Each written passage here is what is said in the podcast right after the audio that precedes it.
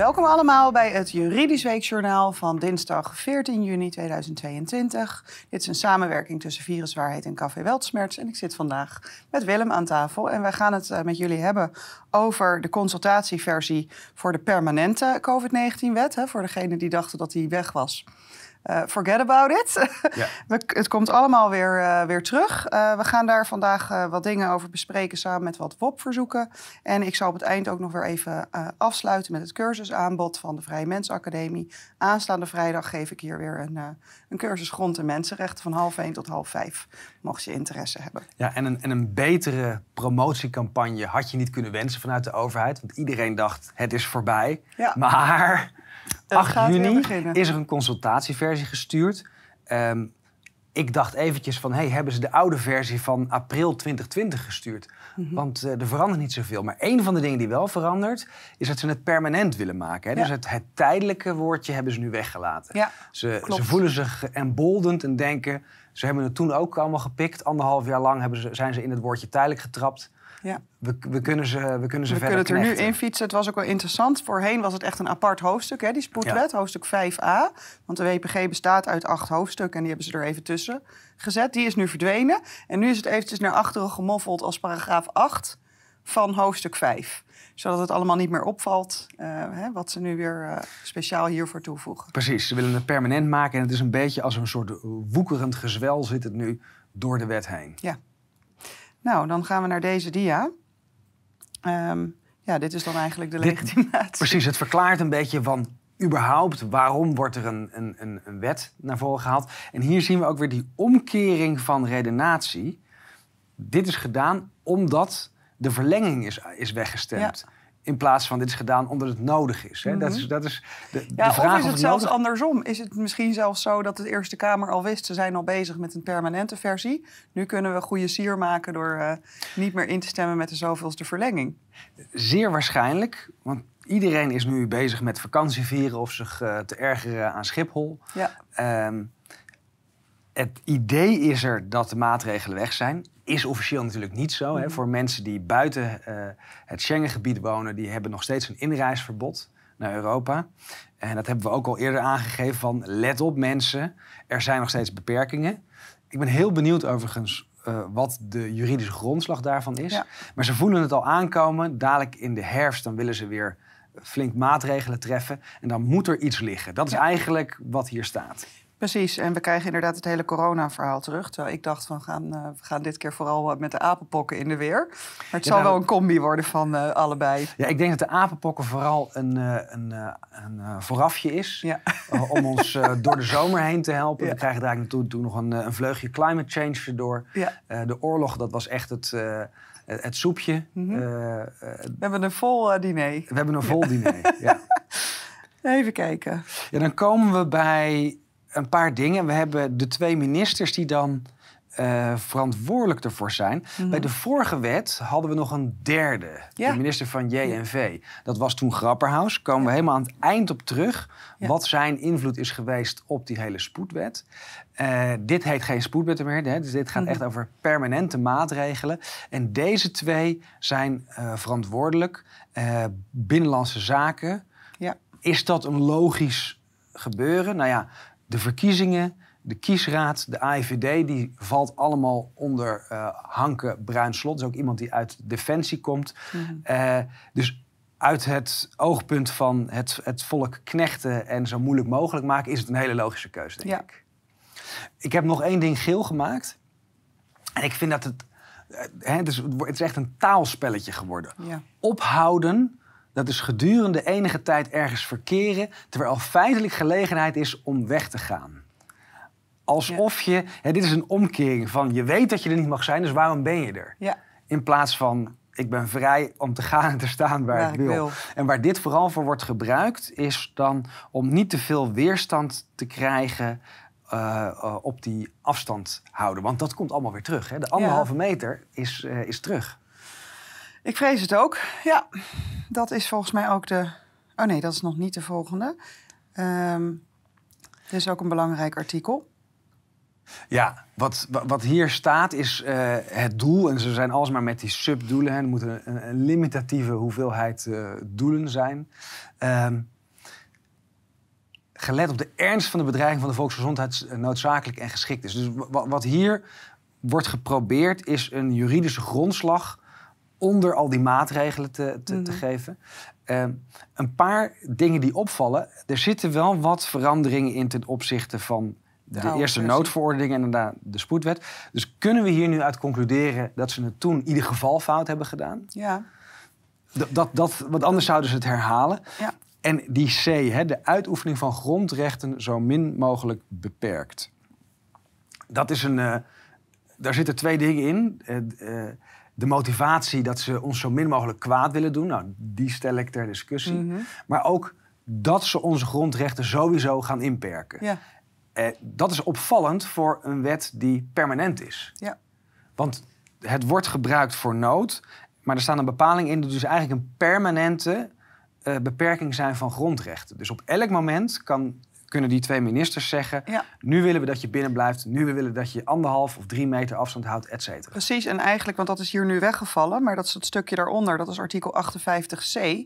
En daar stond ook dezelfde bepaling in in de oude spoedwet. En dat is eigenlijk een krankzinnige regeling. Want daar staat dan dat, hè, uh, je hebt dus een aantal stafjuristen... Mhm. die maken dan zo'n ministeriële regeling... En vervolgens wordt dat dan opgestuurd naar de Tweede Kamer. En die hebben dan zeven dagen de tijd om er wat van te vinden. Dan moet je dus iedereen bij elkaar zien te trommelen die het er niet mee eens is. Nou, we weten nu, er is vrijwel geen oppositie. Dus hier zal nooit gebruik van worden gemaakt. Het is, althans, het is twee keer eerder gebeurd. Hè? In de hele periode dat wij dat hebben gehad. Eén keer D66. Die heeft er namelijk een half uurtje bijgesprokkeld voor de avondklok. Die ging die, wat was het? Ging die niet om half negen, maar om negen uur in. Mhm.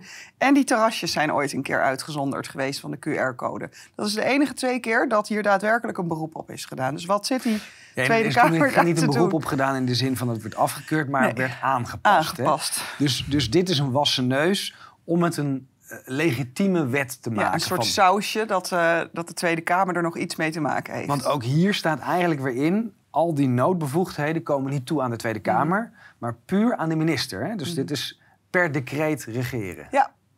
En we zien dus ook dat dat de hele tijd is gebeurd, want er is dus nooit uh, iets verworpen. Ja, dus lessons learned is helaas, moet je die opvatten, we kwamen er toen mee weg, dan zullen we er nu ook wel weer mee ja. wegkomen.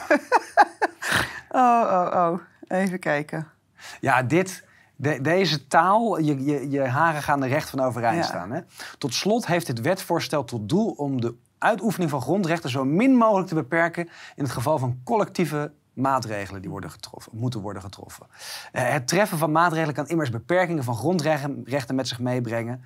Het onderhavige wetsvoorstel verankert daarom dat bij het nemen van maatregelen steeds de noodzakelijkheid en proportionaliteit moeten worden afgewogen. Hoe krijg je dus trot uit? Ja, uh, we hebben uh, 33 vonnissen. We hebben het laatst geteld. Uh, de meeste daarvan zijn onnavolgbaar, kan ik wel zeggen. Dit was natuurlijk de kern van ons betoog in al deze zaken. Grondrechten, grondrechten en nog eens grondrechten. Ja. We hebben nog geen enkele keer een belangenafweging, een belangenafweging gekregen. Terwijl ze het nu hier erin zetten, is, oh, dat, hè, het is allemaal prachtige maar taal. Maar wat hierin staat, en dat is natuurlijk hoe het constant wordt misbruikt. De rechter refereert dadelijk terug naar de wet en zegt: het is proportioneel en noodzakelijk, want het is vastgelegd in de wet. In plaats van we moeten het toetsen. Ja. En die maat, per maatregelen bekijken wat uh, wel of niet goed is. En dan gaan we naar een WOB-verzoek. En dit is uh, mei 2020. En hier verraden ze zichzelf eigenlijk. Dus dit was nog voor, dit was nog in de tijd van de noodverordening, dat ze snel even een spoedwet erdoor wilden duwen. Dat is niet helemaal gelukt, die liep vertraging op. Maar hier, doel van de tijdelijke wet maatregelen is een wettelijke grondslag voor grondrechtenbeperkingen. Mm Dat is trouwens interessant. Dit was mei 2020, ja. want die consultatieversie die van de oude spoedwet was van 8 juli. We gaan dadelijk naar de koep toe, nadat we hem hebben doorgenomen.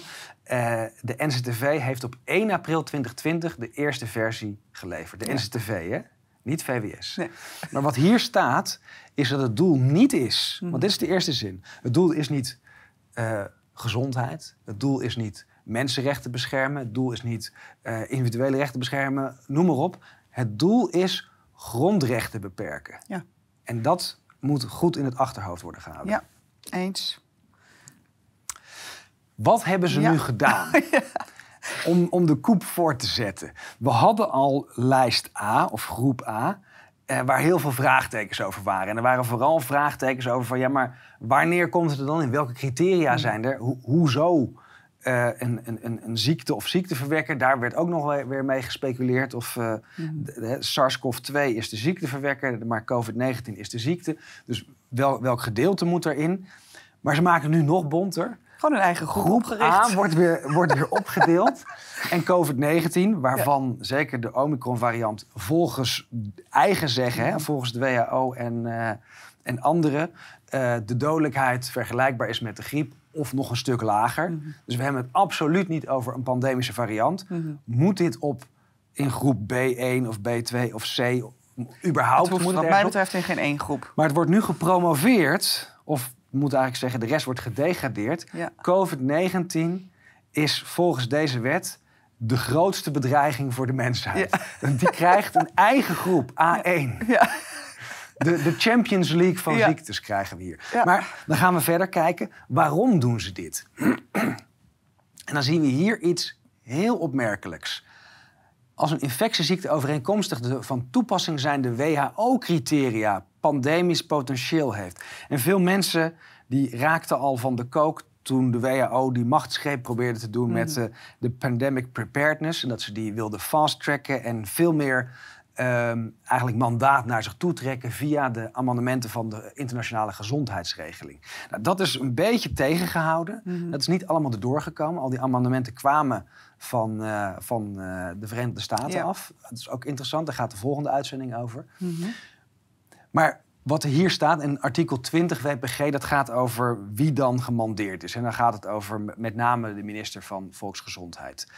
Um, maar dus A1 wordt gedefinieerd of wordt bepaald door de WHO-criteria.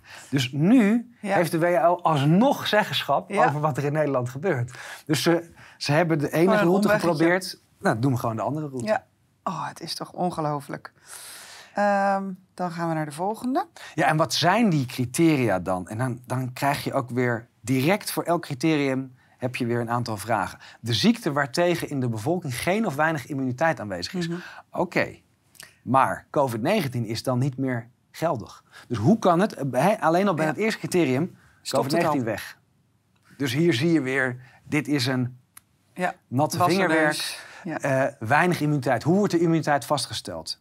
Hier, de ziekte infecteert mensen en veroorzaakt zware klachten. En dan tussen aanhalingstekens, en dat vind ik een hele opvallende, bij een deel van de besmettingen. Ja. Besmetting wordt natuurlijk weer verkeerd gebruikt, zoals het constant mhm. verkeerd gebruikt wordt. Uh, en de ziekte verspreidt zich gemakkelijk onder de bevolking. Bijvoorbeeld verspreiding via de lucht. Besmettelijk uh, voordat er verschijnselen zijn. Kijk, die eerste is een toegave dat het aerosolen zijn, aerogene verspreiding. Mhm. Dat hebben ze twee jaar tegengehouden, want dat is namelijk tegenstrijdig met uh, alle maatregelen die oorspronkelijk zijn getroffen. En die laatste, daar komen we dadelijk ook nog op, besmettelijk voordat er verschijnselen zijn ergens zijn ze correct. Want er staat niet besmettelijk zonder dat er verschijnselen zijn. Ze hebben het hier over wat zij uh, foutief presymptomatisch noemen. Wat uh, klinisch gezien eigenlijk de prodromale fase heet. Hè? Mm. Dus je, je hebt al verschijnselen, maar je bent je niet bewust van dat je ziek bent. Precies. Maar dit zijn weer criteria waar van alles uh, op af te dingen is. Mm. En wie bepaalt het uiteindelijk? Zoals ik hem lees, de WHO bepaalt of iets een pandemisch potentieel heeft, oftewel of een minister als alleenheerser van een land wordt aangewezen. Ja, maar dat hebben we toch eigenlijk ook in die uh, spoedwet gezien. Hè? Er staat gewoon, Precies. het is een epidemie omdat wij zeggen dat het een epidemie is. Precies. En nu wordt het een epidemie omdat de WHO zegt dat het een epidemie is. dus dat is nu officieel vastgelegd in onze wet. En dan krijg je weer de vraag, waar we het gisteren ook over hadden. Bij zo'n bevoegdheid van de WHO hebben we hier te maken met een tweederde meerderheid die hiervoor moet kiezen. Want dit is een verregaande bevoegdheid van een buitenlandse mogendheid. Precies. Nou ja, ik zou zeggen artikel 91 lid 3 van de grondwet. Daar heb je echt tweederde meerderheid voor nodig. Ja. Dus dat is iets wat we moeten uitzoeken. Mhm. Eh, en natuurlijk uh, een, een, stok in de spaken steken. Ja. Dan gaan we naar de volgende. Ja, de maatregelen. Je dacht dat je er vanaf was, maar alles komt terug. Ja. Uh, persoonlijke beschermingsmiddelen. Die vind ik uh, interessant, want uh, dan gaat het over persoonlijke beschermingsmiddelen. Denk aan handschoenen, spatschermen, brillen, maar vooral de mondkapjes, daar is die voor bedoeld. ten einde de verspreiding van virussen, maar daar komt hij, of andere ziekten tegen, kiemen tegen te gaan. Want er is geen enkel mondkapje dat überhaupt die beoogd, dat beoogde mm. doeleind heeft. Hè? Dus er zijn geen mondkapjes die, die, die bestaan gewoon niet, die virussen tegenhouden. Het staat zelfs vaak op het doosje. Ja.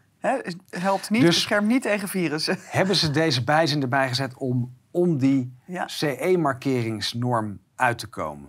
Ja. Dan zie ik hier nog een paar dingen, interessante dingen staan. Resultaat. Mhm. Dat is ook weer een soort uh, horde die extra wordt opgeworpen. Testuitslag of vaccinatiestatus tegen een infectieziekte behorend tot groep A1 of uh, een, uh, een herstelpas. Mm -hmm. Dus dit gaat eigenlijk over de QR-code. Daar, daar, komt het op neer. Um, dus de QR-code komt terug. Het testen komt terug, testuitslag. Waaruit blijkt dat de geteste persoon op het moment van afname van de test was geïnfecteerd.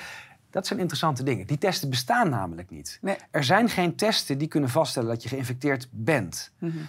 In het gunstigste geval, maar dat is niet bij de COVID-19-test, want die is niet klinisch gevalideerd, dus die kan helemaal niks zeggen. Maar stel dat je een goedgekeurde test hebt, dus een, een, een oudere test, eh, mhm.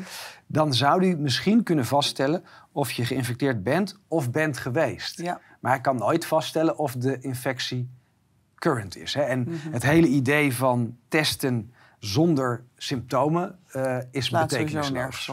Ja. En de veilige afstand afstand bedoeld in. Hè, achter, dus daar wordt eigenlijk weer gezegd: een veilige afstand is wat de minister zegt. Als hij zegt een meter, als hij zegt twee meter, dan worden wij allemaal weer verplicht om die afstand te houden. Ja, ik uh, vrees het ergste voor deze herfst. Ja, dan gaan we even naar die injecties. Want die krijgen nu via dat resultaat een status, of een juridische status. Maar als we kijken, er is nu zoveel bekend over die injecties. Ze mhm. hebben geen enkele uh, rechtvaardiging. Dus bij de toelating zien we al dat er van alles is fout gegaan. En ze zitten nu echt klem. Hè. Met de WOP-verzoeken die we aan de EMA hebben gedaan en de CBG... Mhm. zien we dat het gentherapie is. Dan komen we bij die regulatie 1234-2008... waar de uitzonderingen op de normale toelating zijn. Dus de fast-track-methode of de pandemische uh, uh, voorwaarden. Dan staat er heel duidelijk dat er alleen voor influenza-vaccins deze route kan worden genomen. Um, en het allerbelangrijkste, het is niet voor transmissie toegelaten. Dus het mm. hele idee van een resultaat, resultaat waarvoor. We zien nu dat mensen die geprikt zijn een grotere vatbaarheid hebben voor allerlei infecties dan uh, mensen die niet geprikt zijn. Dus het, het, zou bijna al een negatieve indicator kunnen zijn. Ben je geprikt, dan mag je niet naar binnen, want je bent vatbaarder en mm. daarmee besmettelijker. Um, de fraude. Mhm. Ik heb uh, met het EMA contact gehad na die vaststelling van de BMJ-papers, 2 november 2021. Toen is er vastgesteld dat Ventavia uh, structureel fraude heeft gepleegd tijdens de clinical trial van Pfizer, ging dit in, in dit geval over. Nu blijkt dat Fernando P. Polak, uh, degene die de clinical trials in Argentinië leidt, ook fraude heeft gepleegd oh. bij twee sites. Dus nu, want mij, het antwoord van het EMA was uh, ja, maar het is maar één site. Dus we, we, vinden dat niet belangrijk genoeg om de toelating terug te trekken. Ja. Nu zijn er dus drie sites. Ja. En, zo, en, en dit is alleen maar van wat er naar boven is gekomen. Dit is nog niet omdat er een audit is geweest. Ik verwacht nog veel meer fraude te vinden. En natuurlijk de corruptie die vaststaat. En dan hebben we drie hoofdrolspelers, mhm. toevallig allemaal vrouw. Uh, Stella Kyriakides, Emmer Koek en Ursula van der Leijden. Ja. Waarvan vaststaat dat ze allerlei correspondentie uh, en contact hebben gehad met leidende figuren binnen de farmaceutische industrie. De appjes met Boerla zijn natuurlijk het meest uh, saillant. Ja. Uh, er is hier politieke druk uitgeoefend. Mhm. Dat zijn, is vooral te zien in de e-mails van Stella Kyriakides. We hebben te maken met zware corruptie. Hè. Deze personen moeten, aange, moeten, aangeklaagd worden. De fraude staat vast, de corruptie staat vast. En de toelating dat hij foutief is geweest staat vast. Maar toch willen ze via dat resultaat een, een status geven. Ja, en dan uh, is het hele QR-feest zo meteen weer terug in uh, de herfst. En dan gaan we nog nou, even naar oh, deze. Ja. Want dit gaat over uh, social distancing, de veilige afstand. En dit, dit, is ook weer september 2020 en augustus 2020. Ik denk dat die onderste, die ging er vooral over de rechtszaak die wij hadden tegen het RIVM. Laten we daar beginnen. Ik denk dat de internationale adviezen, WHO, ECDC, die moeten worden meegenomen. En hier, dit hebben we ook in alle vonnissen gezien, constant wegblijven bij de feiten, wijzen naar wat internationaal is, wat ver van ons afstaat, wat we niet makkelijk kunnen aanklagen. Hè? Die WHO en ECDC. Dus wat er nu gebeurt met die A1-groep, dat zagen we van heinde en verre aankomen. Maar die bovenste nou, vind ik in de eerste zin dus ook wel belangrijk. Zoals je weet is harde wetenschappelijke onderbouwing voor de anderhalve meter bescheiden. Ja, die dat is, is eufemistisch, want die is er niet. Die is er niet, Dit is ook toegegeven in, in de rechtszaak. Dit is later ook in, in, in talkshows toegegeven. Maar ze willen het toch weer invoeren in de wet als permanente maatregel die per decreet kan worden uitgeroepen op het moment dat de WHO zegt er is een pandemie. Ja, terwijl ze er zelf ook niet in geloven. Want hier heb ik echt heel hard om gelachen. ja. Sorry. Dit is van het RIVM. Maar als we naar de, naar de e-mailadressen kijken, dan sorry, maar hier kunnen, kunnen we als LCI, dat is dan het Landelijk Centrum Infectiebestrijding, uh, kunnen ze niks mee. De deadline is morgen en het gaat dan over de de, de uiteindelijke versie van de eerste spoedwet. Hè. Dat is 24 september. Precies.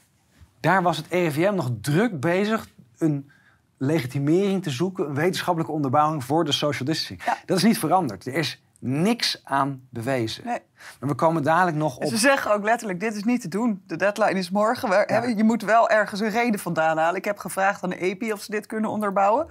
Ook niet gebeurd. En dan staat er daar, of hebben de modelleurs hier iets over, uh, over liggen. En, en dat hebben we al gezien. Hè, de, de, de, de bekendste dyscalculie-patiënt is nu minister van Volksgezondheid. Ja. Dan heb ik het over Kuipers. Uh, geen enkel model is uitgekomen. Nee. Want die modellen waren alleen maar hiervoor. Ja. Plaatjes maken voor een soort onderbouwing van die wet. En dat zullen we nu dus ook weer zien. Ja, dus uh, ze geloven er zelf ook niet in. Nee. En sterker nog, ze weten dat er geen bewijs is. Ja ook hier, het gaat natuurlijk weer gelaagd. Hè? Mhm. Dus er is geen officieel inreisverbod. Maar het inreisverbod wordt opgelegd omdat er voorwaarden zijn voor het vervoer. Dus wil je vervoerd worden door uh, bus of boot of vliegmaatschappijen, uh, dan heb jij een resultaat nodig, een testbewijs uh, die zogenaamd iets zou zeggen over infectiestatus. Mhm. Dat doet hij niet, dat weet jij, dat weet ik. Maar ze proberen het toch. Dus ook die, die testen die komen gewoon weer terug uh, voor, van, uh, van weg geweest. Mm -hmm. Ik uh, vrees het ook, ja. En deze twee resoluties, die hebben we ook al veelvuldig aangehaald. Die bovenste gaat voor medische hulpmiddelen. Ja. Dan hebben we het over de mondmaskers bijvoorbeeld. Um, dan kijken we toepassingsdatum 26 mei 2021. hey, ja, maar dat dus betekent dat die al lang geldt. Dus een mondkapje of wat voor medisch hulpmiddel je ook ter bescherming zou gebruiken, moet voldoen aan uh, deze resolutie, aan de CE-markering. Dan is er nog wel een soort uh, periode dat ze verkocht mogen worden, maar dat is wat anders. Hè? Ja. Verkocht mogen worden betekent uh, advies of vrijwillig gebruik. Maar verplicht mogen worden, dat kan natuurlijk absoluut niet. Sinds 26 mei 2021 mogen die mondkapjes op basis van de veiligheidseisen die gesteld zijn aan de mondkapjes. Dus mhm. wat, wat een CE-markering eigenlijk doet, is bepalen waarvoor het gebruikt mag worden en waarbuiten het niet gebruikt mag worden. Dus het oogdoeleind en, en de kaders eigenlijk die worden gesteld. Maar, en dat is iets waar ik veelvuldig over heb getweet, de testen, de in vitro diagnostiek, ja. de toepassingsdatum 26 mei 2022. Dus ook alle testen. Kunnen niet buiten het beoogd doeleind gebruikt worden. Dat betekent dat ze uh, zonder klachten niet kunnen worden toegepast. Precies. Ze mogen niet verplicht worden, want er is geen CE-markering voor. Ze kunnen nog wel een tijdje worden verkocht, maar dat betekent niet dat je ze kan dwingen. Nee. Er komt nog iets bij. Mm Um, er is geen klinische validatie gedaan. We hebben er ook een aantal rechtszaken over gevoerd. Dus je, je kan zelfs nog een stap teruggaan. Het is helemaal geen IVD. Het is een research use only instrument. Precies. Maar dat is een hele bijzondere. Dus we hebben en bij de prikjes en bij de mondkapjes en bij de testen geen wettelijke grondslag meer voor het inzetten ervan. Het is buiten het beoogd gebruik, net zoals met de transmissie van de prikjes of met de testen. Asymptomatisch testen heeft geen zin. En toch wordt het verplicht, maar niet zelf. Wat er verplicht wordt, is je te beschermen, een afstand te houden, een resultaat te hebben, een Mhm. QR-code te hebben. Dus het, het- er komt een juridisch laagje omheen, Ja. zodat deze middelen niet kunnen worden aangevallen. Precies. Ehm, dan deze. Was ook nog een interessante. Ja, ik, ik, ik, ik schrok hier een beetje van. Aan de andere kant ben ik ook heel blij. Eindelijk wordt het bevestigd. Ja. Er wordt dus actief gestuurd op een genetische database aanleggen Ja. van ons. Want wat hier staat, is als je geïnfecteerd bent... nou, Dat is natuurlijk weer een onzin eh, eh, uitspraak, maar het gaat over als je een positieve test hebt, Ja. dan wordt jouw testmateriaal, met jouw genetisch materiaal, dus minimaal zes maanden en ten hoogste één jaar bewaard. Ja. Waarvoor?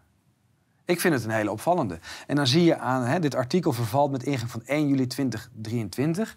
En wat is die datum nu? Dan komen we bij de DCC, de Digital COVID Certificate. Dat is het raamwerk waaronder dit dus valt. Ja. Eh, die is geldig, die is laatst verlengd. Hè. Dat is de, de, de, de, de COVID-pas vanuit Europese resolutie eh, 953. Mhm. Ehm, en er wordt weer gewoon geactiveerd. Dus we zitten er in ieder geval tot 1 juli 2023 aan vast. Ja. En ik, eh, ja, dit is eigenlijk bizar dat ze gewoon alles kunnen bewaren. Dit is gewoon inderdaad een DNA-databank. Ja. Daar is dit eh, voor bedoeld. Dan quarantaine. Ja, en dit. We hadden het over proportionaliteit, over waar het bewijs dan vandaan komt. Die A1-groep, de criteria van de WHO, die de WHO dus uit de lucht grijpt.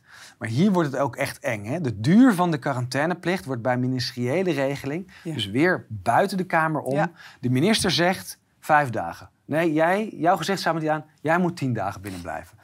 Op het moment geldende wetenschappelijke inzichten. Er, er, er wordt dus niks gezegd over harde feiten, Mhm. bewijs. Maar dit gaat over expert opinion. Ja. De consensus is, wat zegt het OMT? Vijf dagen, doen we vijf dagen. Wat zegt het OMT? En wat het OMT zegt, is wat de NCTV het OMT vertelt te zeggen. Precies. Ja, dus er eh, kan zomaar ook inderdaad twee weken worden of iets. Dat zagen we toch ook al bij die apenpokken. Dat was geloof ik zelfs drie weken. drie weken aan. Ja, Onvoorstelbaar. ja. En dit is echt een stok om mensen mee te slaan. We Ja. komen daar nog bij de strafbepalingen. Maar er, er is een duidelijk machtsmiddel nodig. Ja, En dat wordt hiermee geactiveerd. precies. Nou, dan gaan we naar de volgende. Ja, nog eventjes Oh. naar, naar dit. Hè? Want ja, Wel? Oh, deze. Ja. Ja. al deze maatregelen zijn gebaseerd op het idee dat je als drager van een virus of van een pathogeen besmettelijk kan, Kan zijn. zijn. Daar is geen enkel bewijs voor. En dit ook weer 26 mei 2020. Mijn zorg was niet onterecht. Beaamde, en dat is dan, die is eventjes weggezwart. Hij gaf nog maar eens aan dat asymptomatisch gewoon niet bestaat. Je vindt eigenlijk altijd wel wat in de neus. Dit is bekend Ja. bij eh, het ministerie van Volksgezondheid. Ja. In mei 2020. Ja. Dit is niet veranderd. Er, Nee. er, er zijn geen inzichten gekomen of onderzoeken gedaan die bewijzen dat als je drager bent, dat je dan besmettelijk bent. Heb je geen klachten, ben je gezond. Ja. Punt. Dus al deze maatregelen zijn evident niet gericht op gezondheid. Precies. De avondklok.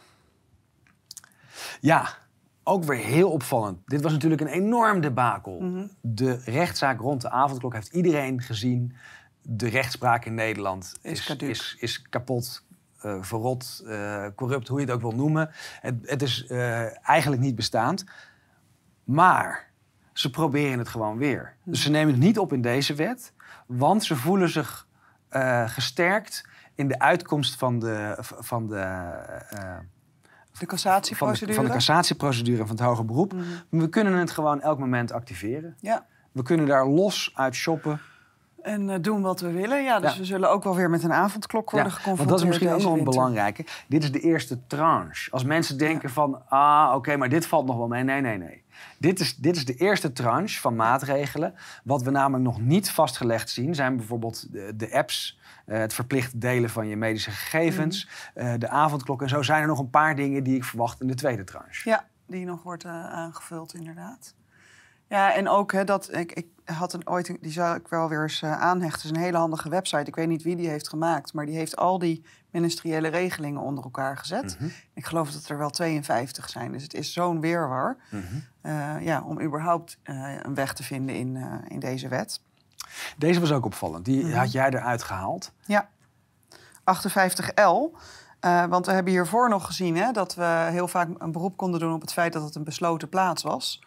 Eh, dat dan eigenlijk dat hele eh, terrein was uitgezonderd van maatregelen. En nu hebben ze toch een eh, maniertje gevonden om zich daar weer tegenaan te kunnen bemoeien. Want wat staat hier? Bevelen voor besloten plaatsen.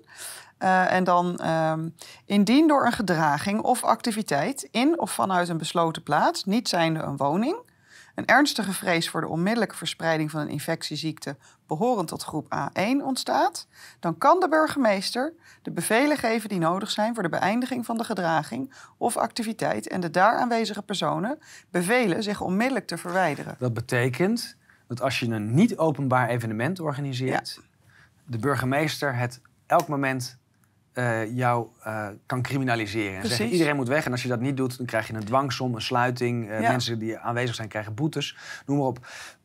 Dit gaat heel ver. Ja. Het gaat een stuk verder dan de vorige keer. Ehm, godsdienst, politieke bijeenkomsten, eh, dat soort dingen, die zijn, Die zijn, niet, wel, die zijn wel uitgezonderd. Volgens mij zijn die niet volledig ervan uitgezonderd. Eh, daar wordt ook gesteld, dacht ik, dat er een maximum van aantal mensen eh, zou kunnen worden geëist. Mm.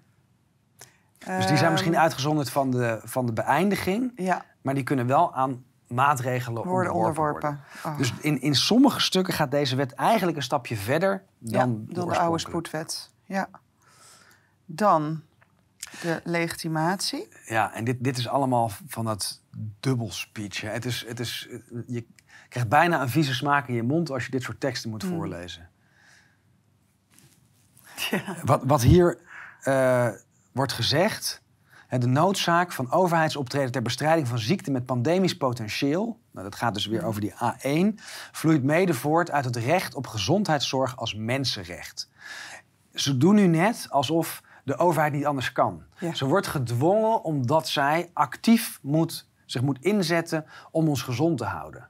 Wordt helemaal voorbij gegaan aan of dit gezond is. Nou, het, is duidelijk. Eh, ik zag vandaag een artikel 170.000 overlijdens door de lockdown in, eh, in de Verenigde Staten. Artikel 22 van de Grondwet waarborgt dat de overheid maatregelen treft ter bevordering en bescherming van de volksgezondheid. En dat klinkt heel mooi, maar even ter verduidelijking. De echte grondrechten is artikel 1 tot en met 18. Precies. Daar zijn de grondrechten in. Dus dit is een sociaal recht. Dit is, Ja. niet, een, dit is niet een individueel En grondrecht. kijk, is een- hier kun je bijvoorbeeld in lezen dat de overheid een taak zou kunnen hebben om bijvoorbeeld ziekenhuizen te bouwen. Ja, Dat is een logisch eh, iets om hieronder te scharen. La- Laten we even die artikel 22 dan erbij pakken. Wat Ja. staat daar dan? En dan zie je dat het totaal misbruikt wordt. Ja. Wat staat hier? Ze hebben het dus over lid 1. Ja. De overheid treft maatregelen ter bevordering van de volksgezondheid.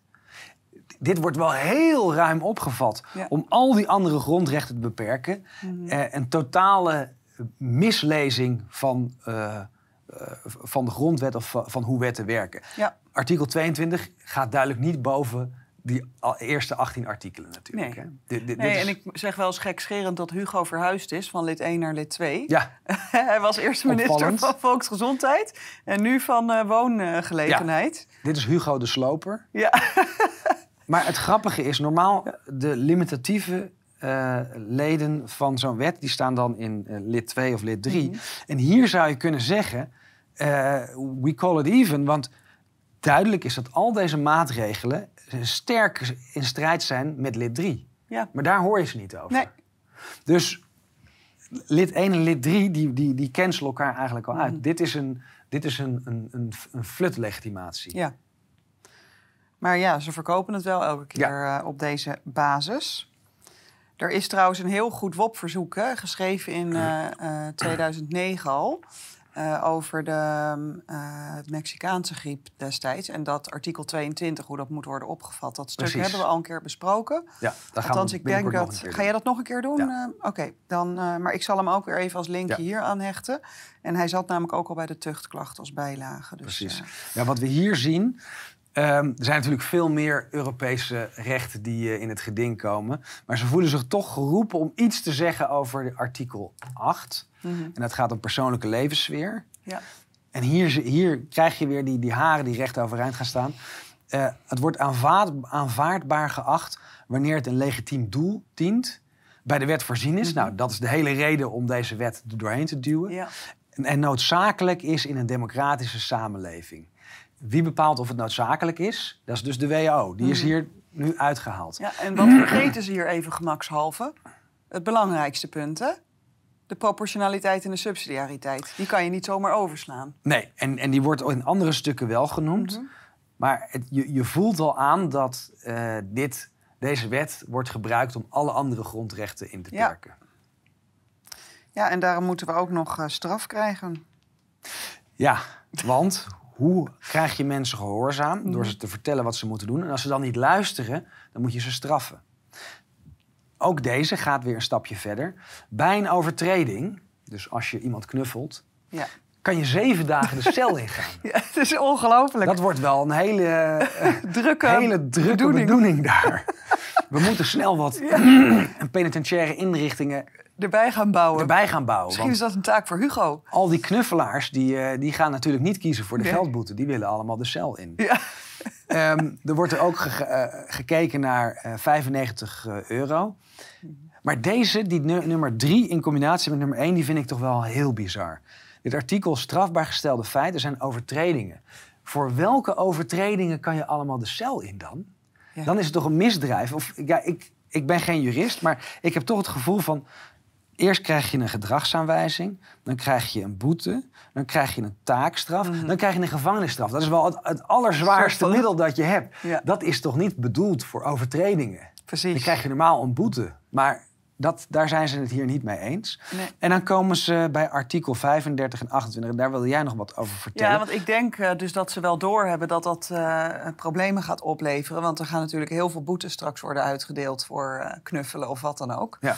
Eh, en eh, dan zou je dus een probleem hebben, want dan zou je geen verklaring omtrent het gedrag meer kunnen eh, opvragen.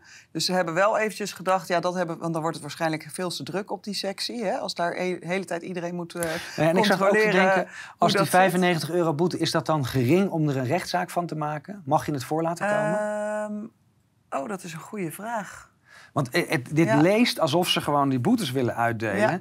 als eh, gedragssancties, Precies. maar het eigenlijk uit het strafrechtelijke willen houden. Ja, dat gevoel krijg ik ook. Want we hebben nog even die artikelen erbij gepakt van de wet justitiële en strafvordelijke gegevens. En dan gaat afdeling 5 dus specifiek over die verklaring omtrent het gedrag. Dus ze, willen, eh, ze weten zelf ook wel dat ze te ver gaan als jij bijvoorbeeld dus niet meer een bepaalde baan zou kunnen krijgen. Omdat je een keer een, een knuffelboete hebt gekregen. Ja. Ja, oké. Ehm, dan nog deze. Ja, dan, dan gaan we even een stapje terug in de tijd. Ik heb hier gisteren een Twitter-draadje over gemaakt.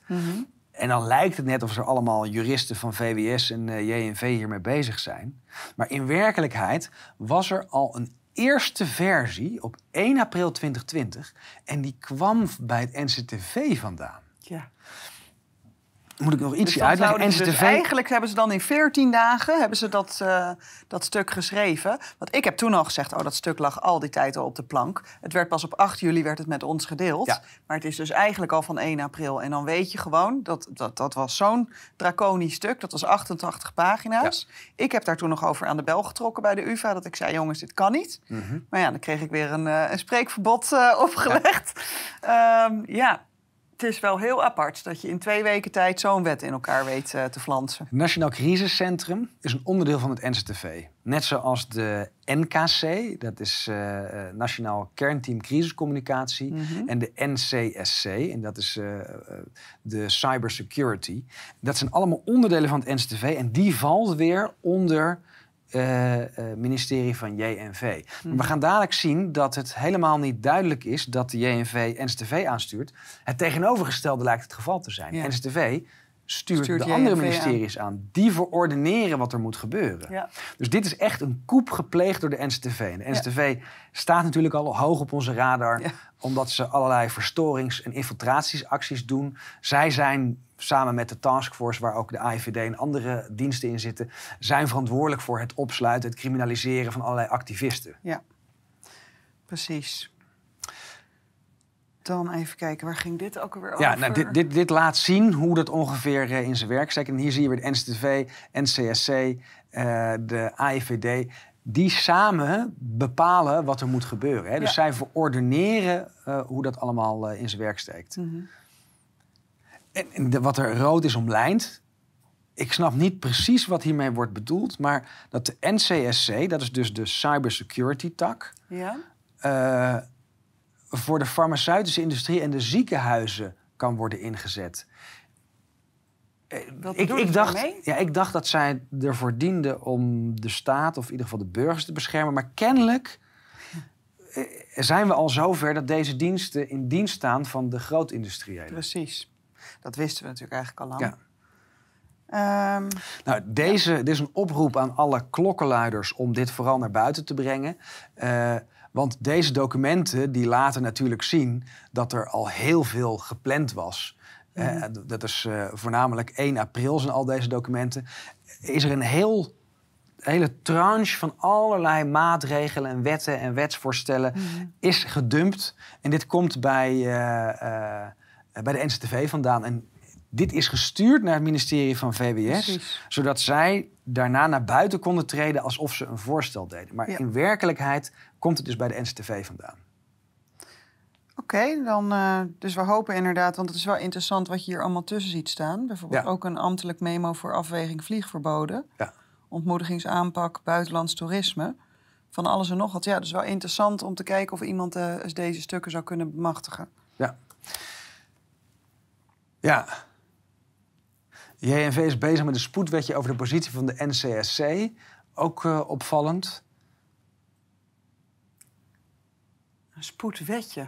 Dat is maar hier, hè, die, die, die, in die tweede katern, WJZ en JNV wisten er ook nergens van. Mhm. en, en dit laat zien hoe de lijntjes lopen. Hoe kan het dat, want je zou zeggen, de NCTV wordt aangestuurd door JNV, hè, dus Justitie en Veiligheid. Maar die weten niet wat hun eigen diensten aan het doen zijn. Ja. Dat is best vreemd. Ja, ze zeggen het hier ook. Hè. Uh, die, hè, kennelijk is er iemand die vermoedt dat dit wetsvoorstel uit de... Ik denk dat er moet staan de hoed de hoed van de NCTV komt. Precies. Dus zij hebben dat zelf ook in de, in de smiezen. Absoluut. Dus er is intern al aan de bel getrokken van... Huh, dit is een hele rare werkwijze. Waarom behandelen wij documenten van de NCTV? Moeten wij dat niet zelf doen? Precies. Ja.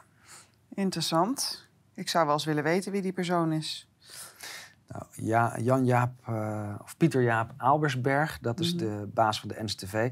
En zo zitten daar nog een paar hele nee, bedoel, bijzondere ehm, figuren. Ook Roskamp Abink ja. uh, en dat soort uh, ja, mensen mhm. die hebben een koep gepleegd in Nederland. Maar ik zou willen weten wie degene is die dit vermoedt. Ja. Dat zou ik willen weten. Ja. Die heeft het dus kennelijk in de smiezen. Maar ja, die werkt daar misschien al niet meer. Ja. Ja, en hier zie je weer dat de NCTV geeft te kennen dat juridisch ingewikkeld is om een mondkapjesplicht. En dan zou je zeggen van ja, uh, dat JNV zich daarmee bezighoudt. Oké, maar de NCTV. Ja. Wacht even. Dat ging toch over terrorisme eigenlijk? En daar hebben ze dan veiligheid bijgepakt. Maar waarom bemoeien zij zich met wetgeving en, mhm. eh, en, gedrag? want daar gaat het vooral over. Ja. Um, dit, dit, is ook weer, boven zien te staan... de NCTV is de facto de baas in Nederland. Ja. Daar kunnen we het uh, inmiddels over eens zijn. Um, dan nog deze. Even kijken, wat was dit ook alweer? Ja, dit uh, gaat over uh, eh, 29 april 2020 van Vert Grapperhaus. Dat is natuurlijk de, de bovenbaas van de NSTV. Die is nu dus uit de consultatieversie gehaald, maar die stond er in die hmm. versie wel bij. Hè. Toen ging het over drie ministers, ook Grapperhaus. Grapperhaus met de Noorderzon vertrokken. Die zullen we dadelijk weer bij een of ander farmaceutisch bedrijf met een parkeerbaantje terugzien, neem ik aan. Dat is Bruno Bruins. Maar wat hier wordt, ge, uh, wordt gesteld, is de anderhalve meter samenleving. Langere tijd bestendige democratische basis verschaffen voor de anderhalve meter samenleving. Wij moesten naar de anderhalve meter samenleving. Ongeacht of er bewijs voor is. Want dat hebben we net gezien. Dat is er nog steeds niet. Hmm. Um, dit is verordeneerd. Ja. gewoon van er is gewoon een koep gepleegd. Ja. Dan gaan we nog even naar deze. Ja. Hier, hij wilde eigenlijk al zelfs op 20 mei dat wetsvoorstel behandelen. Ja, dus dit is echt een blitzkrieg die hier werd gevoerd. Het, het, moest er zo snel mogelijk doorheen geduwd worden, zodat het voor de zomer uh, bestendigd kon worden. Nou, ik, ik voel mij vereerd uh, onderdeel te zijn geweest van de beweging die dit heeft tegengehouden. Met de petitie, de rechtszaken, de mm. demonstraties, is er toch zo'n uh, volksopstand gekomen, waardoor ze mm. die eerste versie hebben ingetrokken en een tweede versie hebben gemaakt. En dat daar nog allerlei amendementen aan zijn gesloten, zodat die uiteindelijk pas 1 december in werking is getreden. Het, het doel was natuurlijk om in juni eigenlijk al deze versie in werking te laten treden. Maar dat is toch dan, nou ja, wat ik dus zo gek vind, is dat ze pas op 8 juli hebben ze dat consultatievoorstel gepubliceerd. Ja. Dus er is ergens hier iets gebeurd. Ja, ik denk dat zij door hadden dat uh, de Tweede Kamer ook wel door zou hebben dat je niet zo'n omvangrijk wetsvoorstel van 88 pagina's in zo'n korte periode kunt schrijven. Nou, volgens mij is de eerste versie voor 8 juli geweest hoor. Die, uh, die, die concept. Uh, die hadden wij volgens mij al in, in juni. Dus ze hebben een proefballonnetje ah. losgelaten en daarop is het, is het stuk gelopen. Ja, ja, dat weet ik, want daar stond inderdaad zelfs nog die krankzinnigheid in dat ze je huis konden binnentreden zonder huiszoekingsbevel. Ja. Dat je als crimineel was je gewoon nog beter af in Nederland, want dan was er wel een rechterlijke machtiging. Precies. Uh, maar als burger niet. Wat belangrijk is, is om te realiseren dat dus nog meer tranches komen. Mhm. Nog steeds is dit het doel: de totale onderwerping van de bevolking. Ja. Dan nog deze. Ja, en ook dit komt weer bij de NCTV. En je, je, je verzint het niet, maar zij dus wel. Uh, ze hebben heel goed nagedacht. En als mensen dit willen weten waar dit vandaan komt, mhm. Crimson Contagion in de Verenigde Staten, want de NCTV wordt weer aangestuurd door de Department of Homeland Security en met name de FEMA. Daar mhm. komen al deze documenten eigenlijk vandaan. Dus die hele spoedwetten en zo, allemaal van Amerikaanse makelij. Daar hebben ze al gekeken van welke niveaus moeten we nou allemaal gaan handhaven. Mhm. hier worden er vier genoemd. Dat is uh, de bijzondere opsporingsdiensten, de gemeente, de BOA's, maar ook de sectoren zelf. Ja denk aan KLM met de vaccinatieplicht. Denk aan de horeca die allerlei gekke QR-codes en, en uh, formulieren moesten, moesten invoeren. Denk aan de, überhaupt de vervoerders, want dat komt weer terug. Die vervoerders moeten dus die QR-code gaan handhaven, waardoor het geen uh, grondwettelijke beperking meer is. Nee, maar je hebt het nodig om in het vervoersmiddel te zitten. Dus daar werd toen al uh, heel duidelijk over nagedacht door de NCTV. Mm -hmm. Dan? Ja, maart 2020. En denk erom, dit was het doel vanaf het begin. Ja. Avondklok. Komt weer bij de NCTV vandaan. Na achter thuis, tenzij je een goede reden hebt. En volgens mij gaat dit stukje dan over het Caribisch gebied. Mhm. En die spoedwet die was ook een stuk draconischer. Het, het punt is, deze mensen zullen niet stoppen totdat al onze grondrechten zijn ingenomen. Ja, totdat ze weg zijn. Ja. En dat zie je hier ook. Ook oh. weer NCTV. En dan gaan we naar die kernpunten. Laatste punt, helemaal aan het eind. 2G-vaccinatieplicht. En geef indien mogelijk als eerste belangrijke uitgangspunten. Dit gaat over de NKC, dat is een onderdeel van de NCTV. Dat is namelijk uh, het kernteam crisiscommunicatie.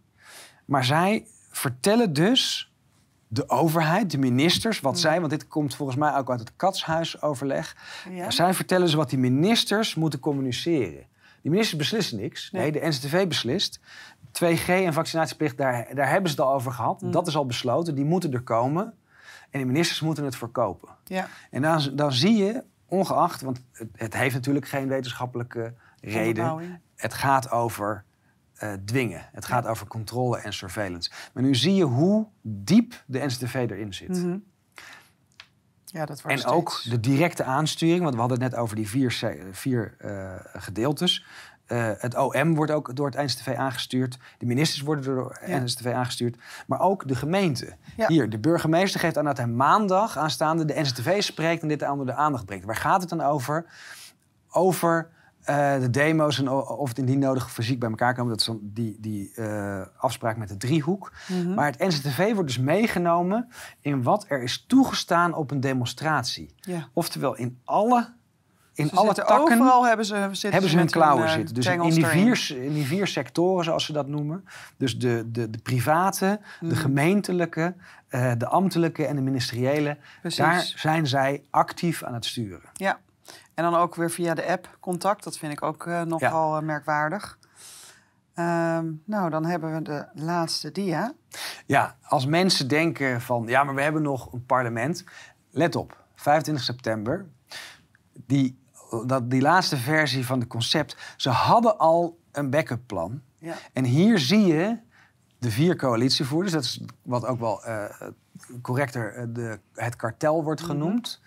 Ehm, die hadden al afspraken met PvdA, SGP en GroenLinks. En ik weet nog dat we toen een campagne rond GroenLinks hebben gehad, omdat die net deden of ze twijfelden. Maar alles is al bekokstoofd. Dit laat heel duidelijk zien dat hele debat in de Tweede Kamer is een mm. farce. Op het moment dat ze zo'n wet naar buiten brengen, dan wordt er een toneelstukje over gedaan. Ondertussen is alles al eh, bekonkeld uh, of bedisseld en komt hij er gewoon door. Ja, want was het niet op. Dit is van 25 september. En volgens mij is dat op 27 september door de Tweede Kamer heen gegaan. Ja. Dus twee dagen van tevoren werd er al gemaild. Ja, er, er is later over gestemd, want we hebben toen in oktober hebben we nog al die demonstraties gehad. Ja. Een van de zaken waar ik dan nog voor, voor moet komen is uh, eh, 10 oktober, mijn arrestatie. Mhm. En in het uh, gebiedsverbod dat ik heb gekregen staat letterlijk... Uh, we vinden het niet opportun dat Engel nog demonstreert, want de spoedwet wordt behandeld in de Tweede Kamer. Daar werd gewoon aangegeven. En daar, door die teksten heen lees je, het is een, een, een, eh, een stuk van het OM, maar de echte schrijver was de NCTV. Precies. Oftewel, mensen, let op. Ja. Er komt weer een nieuwe koeppoging. Uh, de, de oude is zo goed gelukt dat ze vooral op dezelfde lees door willen gaan. De NCTV is de sturende kracht erachter. En we moeten uh, heel bedacht zijn op al die maatregelen die gewoon weer terugkomen. Ja, en het is een soort Pavlov-reactie. Iedereen weet nu hoe het moet, hoe ze door het hoepeltje moeten springen. Ja. En, uh, en, en wat ook belangrijk is, als je het echt gaat uitkleden, dan zie je dat er helemaal geen wettelijke grondslag mm. is. Hè? Het is allemaal bedrog. Ja. Eens. Dankjewel. Nou, dankjewel en uh, tot uh, de volgende keer. De volgende. En voor de mensen thuis, nog één keer, kijk nog even op de website van devrijemensacademie.nl. Daar staat ook helemaal uitgelegd wat er tijdens welke cursus wordt gedaan. Dank jullie wel voor het kijken.